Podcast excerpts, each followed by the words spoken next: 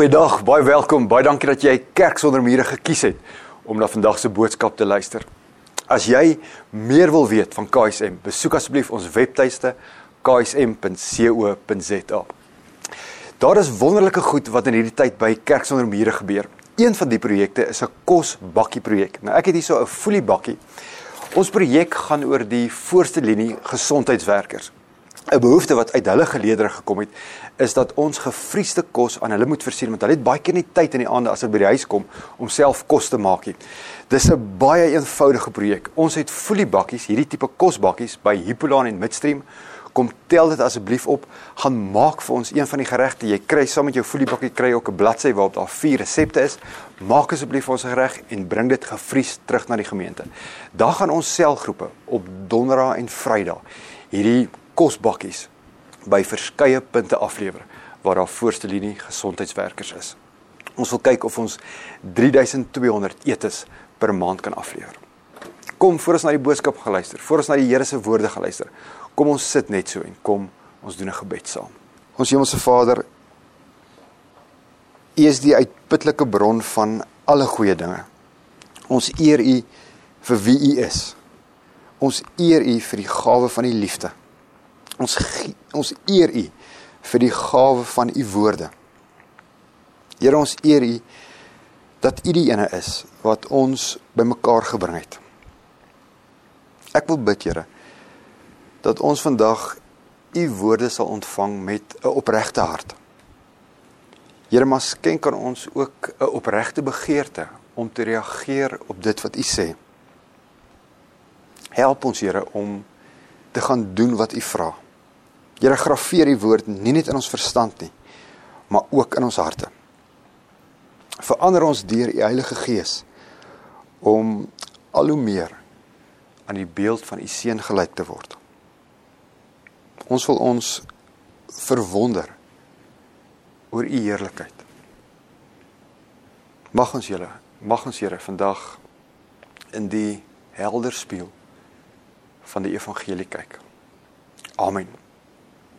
Ons kyk vandag na die Here se woorde in Matteus, Markus en in Deuteronomium.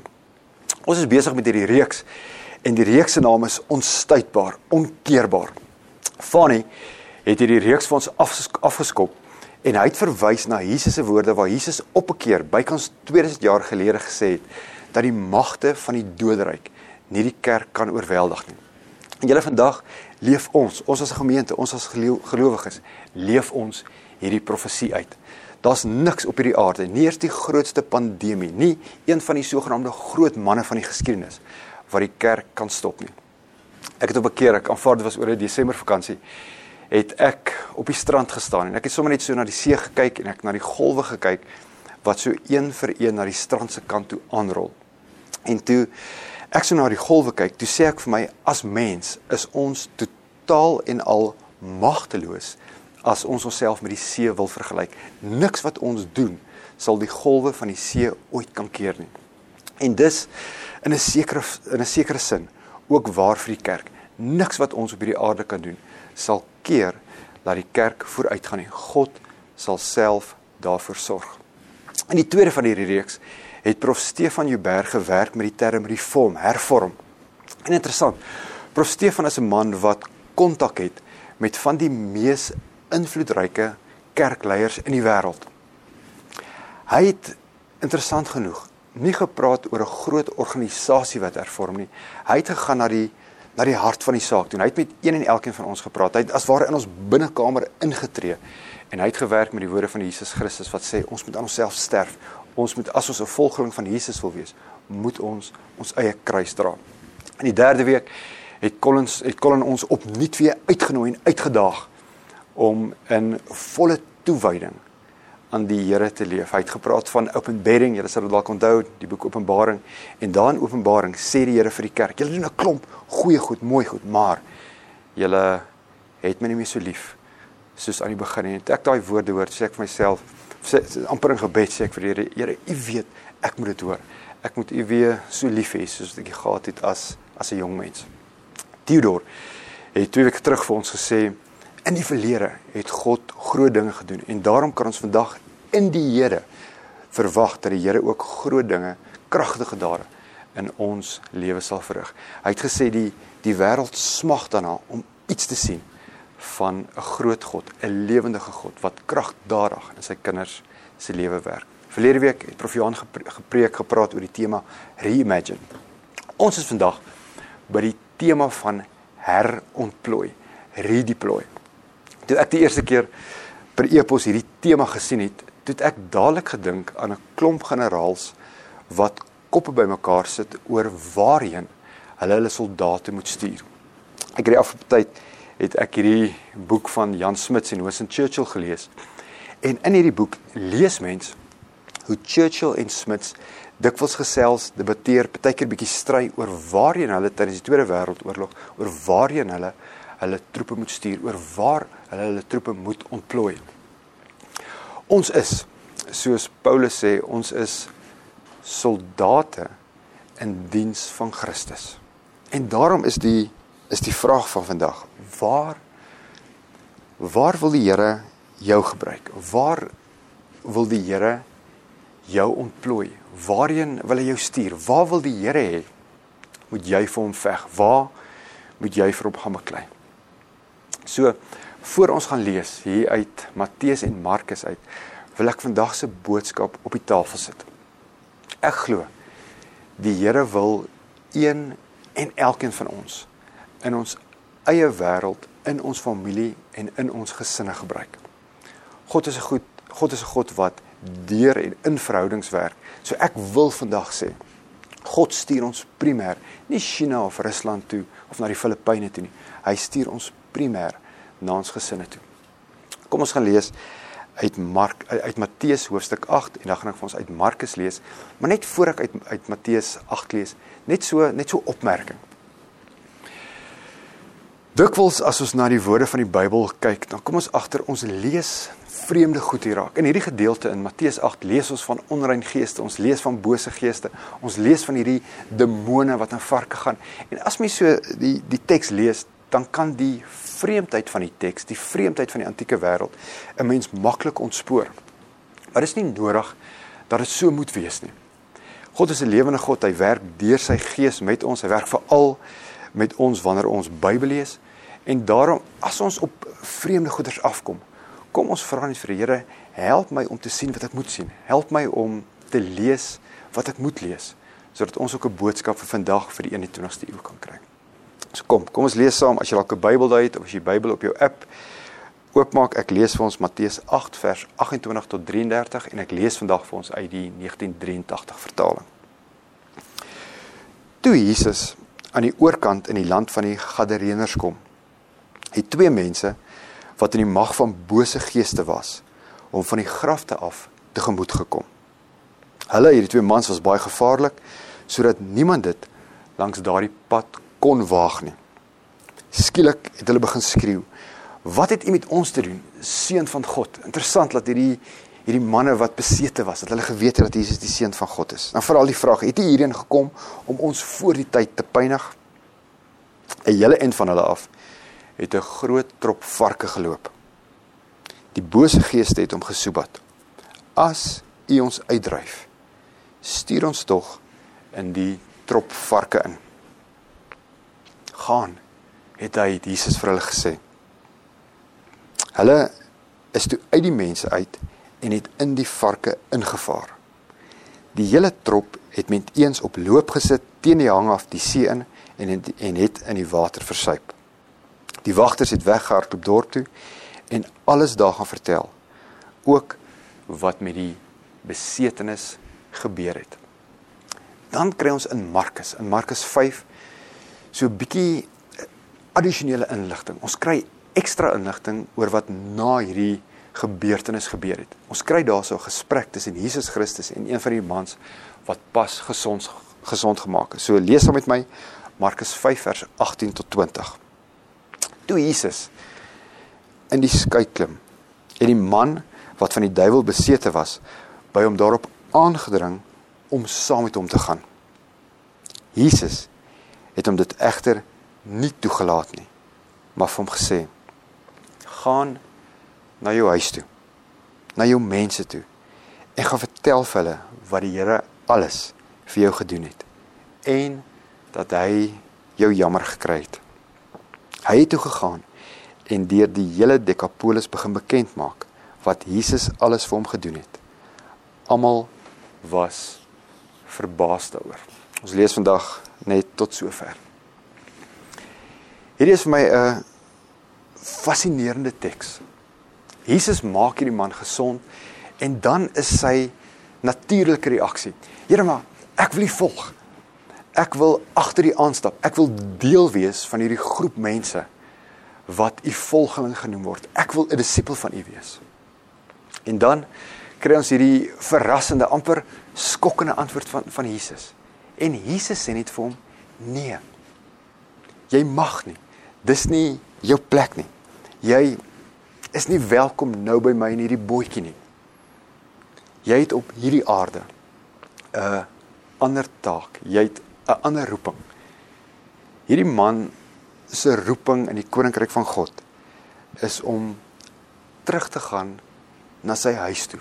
Hy moet sy eie mense gaan bedien en hy moet vir die mense van sy omgewing, die dorpies daar rondom in die Dekapolis, hy hy moet vir daai mense gaan vertel dat God 'n liefdevolle God is wat in sy grootheid en in sy goedheid mense kom aanraak het. Ons lees in Markus 5 vers 3 dat hierdie man tussen die grafte gebly het. So hy was letterlik in ons taal vandag, hy was letterlik 'n afwesige pa. En nou kom die seun van die mens, nou kom die gesalfde, die Messias en hy sê vir hom: Eerste dinge eerste. Gaan gaan terug na jou huis en gaan dien my daar waar jy is, daar waar jy bly. Ek kan nie vandag met integriteit sê dat hierdie vers, dat hierdie woorde gaan terug na jou huis, gaan terug na jou mense, dat dit 'n woord van God is wat vir elke liewe een van ons bedoel is nie. Maar ek kan met volle geloofs-oortuiging sê, ek kan met volle vertroue sê dat ons 100% binne die wil van die Here is wanneer ons hom by ons huise dien. Paas, die van julle wat geseënd is met kinders, jy het die heilige voorreg om vir jou kinders Bybel te lees. Maas, jy het die heilige voorreg om vir jou kind of jou kinders te kan bid soos wat net 'n ma kan bid. Aan ons senior lidmate, die van julle wat dalk al 'n ouma of 'n oupa of 'n ouma grootjie of 'n oupa grootjie is, wêreldwyd sê die navorsing vir ons dat Bybelkennis op hierdie stadium op 'n absolute laagtepunt is. Maar ons moenie daaroor moed verloor nie. Onthou die kerk is onstuitbaar. Die koninkryk van God is nooit in die moeilikheid nie, maar Bybelkennis is op 'n absolute laagtepunt. Ek dink nogals en dis maar net my persoonlike opinie. Ek dink nogals ons oumas en ons oupas het 'n groot rol te speel net om gewoon vir hulle kinders en hulle kleinkinders al hoe meer die stories van die Bybel te vertel om dit met hulle te bespreek en om dan ook die vraag te vra, maar wat wat beteken dit vir ons vandag? As jy dalk al die voorreg gehad het om die afgelope tyd 'n babatjie, 'n seentjie of 'n dogtertjie by KSM te doop, dan sou jy dalk onthou, elke keer wanneer ons babatjies doop, dan vra ons vir die ouers om te beloof dat hulle die eerste voorbeeld sal wees van wat dit beteken om Jesus te volg. Ons as ouers moet die eerste voor, voorbeeld wees van wat dit beteken om die Jesus lewe te leef. Ek en my vrou het twee seuns, Christof en Theodor. Hulle is ons verantwoordelikheid. As ek dit bietjie meer persoonlik kan maak, hulle is my verantwoordelikheid. Ek kan nie my verantwoordelikheid op 'n gemeente waar jy ook al in die land sit of jy nou in Europa of in Suid-Amerika of in Australië is, waar jy ook al sit. Dis jou verantwoordelikheid as ouer. Dis jou verantwoordelikheid as 'n grootouer om jou kind groot te maak in die naam van Jesus Christus. Prof Malanel sê die gesin is 'n hermeneutiese ruimte waar kinders op die mees natuurlike manier tot stand kom. Hy hy sê eintlik net maar in maklike Afrikaans kinders leer die heel beste by hulle ouers van God die Vader, van die Seun en van die Heilige Gees. Ons het in hierdie tyd, in hierdie vreemde tye in die geskiedenis van die wêreld het ons soveel aanlyn programme wat jy saam met jou kinders kan kyk en wat jy met jou kinders kan bespreek. Jou kind se geloofsgroei, jou kind se geloofsontwikkeling is nie soos ekstra wiskunde klasse nie. Ons dink baie keer ons kan ons kinders net so by die kerk gaan aflaai en laat iemand anders, 'n ander oom of 'n ander tannie, hulle, hulle moet hulle van die Here vertel. Wanneer wanneer ons luister na die woorde van die Here God, dan kan ons nie ons verantwoordelikheid as ouers afskuif afskuif op ander mense nie. Dit bly ons taak, dit bly ons voorreg. Dink sommer net vir 'n oomblik saam met my oor die oor die wese van God. God is 'n sturende God. Hy stuur hy stuur vir Jesus Christus aarde toe.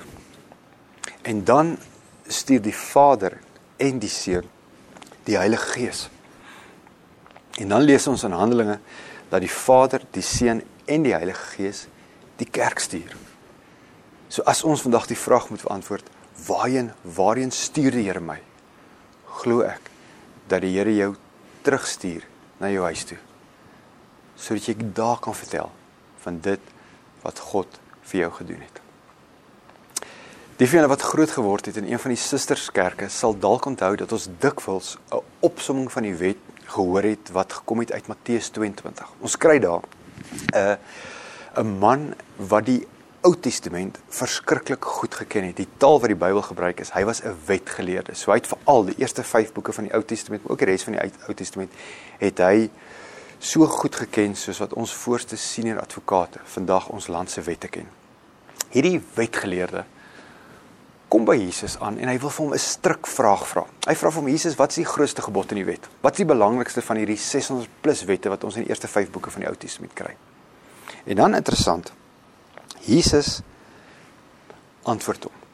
Baie keer antwoord Jesus 'n vraag met 'n vraag, maar by hierdie geleentheid antwoord Jesus hom en Jesus vat hom terug na Deuteronomium hoofstuk 6 toe. En hy sê vir hom die volgende. Hy sê Jy moet die Here jou God lief hê met jou hart en met jou siel en met jou krag. So hy sê vir hierdie wetgeleerde, dit is die grootste gebod. Liefde vir God met jou hele hart, met jou hele siel, met jou hele verstand. Maar nou die interessante. So Jesus haal aan uit Deuteronomium hoofstuk 6. Wat interessant is en wat van toepassing is op vandag se boodskap, is dit wat net na hierdie gebod in Deuteronomium 6 staan. Daar lees ons die volgende, Deuteronomium 6 vers 6. Hierdie gebooie wat ek jou vandag gegee het, moet in jou gedagtes bly hoor nou die volgende. Jy moet dit inskerp by jou kinders. En met hulle daaroor praat as jy in jou huis is en as jy op pad is, as jy gaan slaap en as jy opstaan. As ons dit kan vertaal na vandag se tyd toe, ouers, jy moet dit inskerp by jou kinders. En met hulle daaroor praat as jy in jou huis is, as jy in die kar ry, as jy gaan slaap en as jy opstaan. Die boek Deuteronomium het 'n lang ontstaansgeskiedenis gehad. Daar kon nie gestaan het. Priesters, leviete, profete, rabbies, julle moet dit inskerp by die volk se kinders. Maar dis nie wat hier staan nie. Die opdrag wat ons by die Here kry is, ons moet verantwoordelikheid vat vir die geloofsontwikkeling van ons kinders en ons moet met ons kinders daaroor gesels die woordjie wat ons in die Afrikaanse vertaling met inskerp vertaal kom in sy Hebreëse vorm letterlik net een keer in die Ou Testament voor.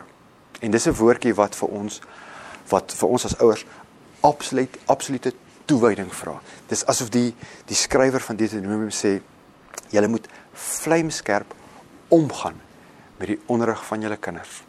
Paas, maas, oumas en oupas. Ons kinders hou ons fyn dop. Hulle hulle glo nie soos wat ons vir hulle sê hulle moet glo nie. Hulle kyk na ons en dan glo hulle soos wat ons doen. Mag die Heilige Here, mag die enigste ware God aan jou die krag en die moed en die durf gee om ook in hierdie grendeltyd, in hierdie vreemde tyd in die geskiedenis van die wêreld, mag jy in hierdie tyd jou kinders dien soos wat net 'n ma en net 'n pa kan doen. Mag julle van Jesus Christus vertel. Hy gaan ons vooruit. Hy sal ons in hierdie proses nie in die steek laat nie. 'n Kerk bestaan uit mense en ons mense woon in families en gesinne en huise. Wanneer ons die Here daar dien, dan word die kerk al hoe meer 'n onkeerbare, 'n onstuitbare krag. Amen. Kom ons dit net so en dan doen ons 'n gebed saam. Vader, uit U hand kom alles wat goed is. Here, U is die een wat aan ons mense, aan ons gesinslede, aan ons vriende en familie gegee het. Here, ons wil U wil met betrekking tot ons huise soek. Mag ons reageer op U stem. Here, mag ons U by ons huise dien soos nog nooit nie. Here gee asseblief dat ons sal groei in ons liefde vir U. Here mag ons 'n kerk, mag ons 'n gemeente wees wat U met ons hele hart, met ons hele siel, met ons hele verstand dien. Here mag ons vir ons kinders die eerste voorbeeld wees van wat dit is om U te volg. Vader, Hemelse Vader, ons het U nodig, ons het U Gees nodig. Skenk aan ons die geloof, Here, en skenk aan ons die perspektief sodat ons na ons eie lewe in 2021 kan kyk soos wat U daarna kyk. Here mag ons in hierdie vreemde tye sien wat U sien en mag ons ook sien, Here, wat U wil hê ons moet sien. Amen.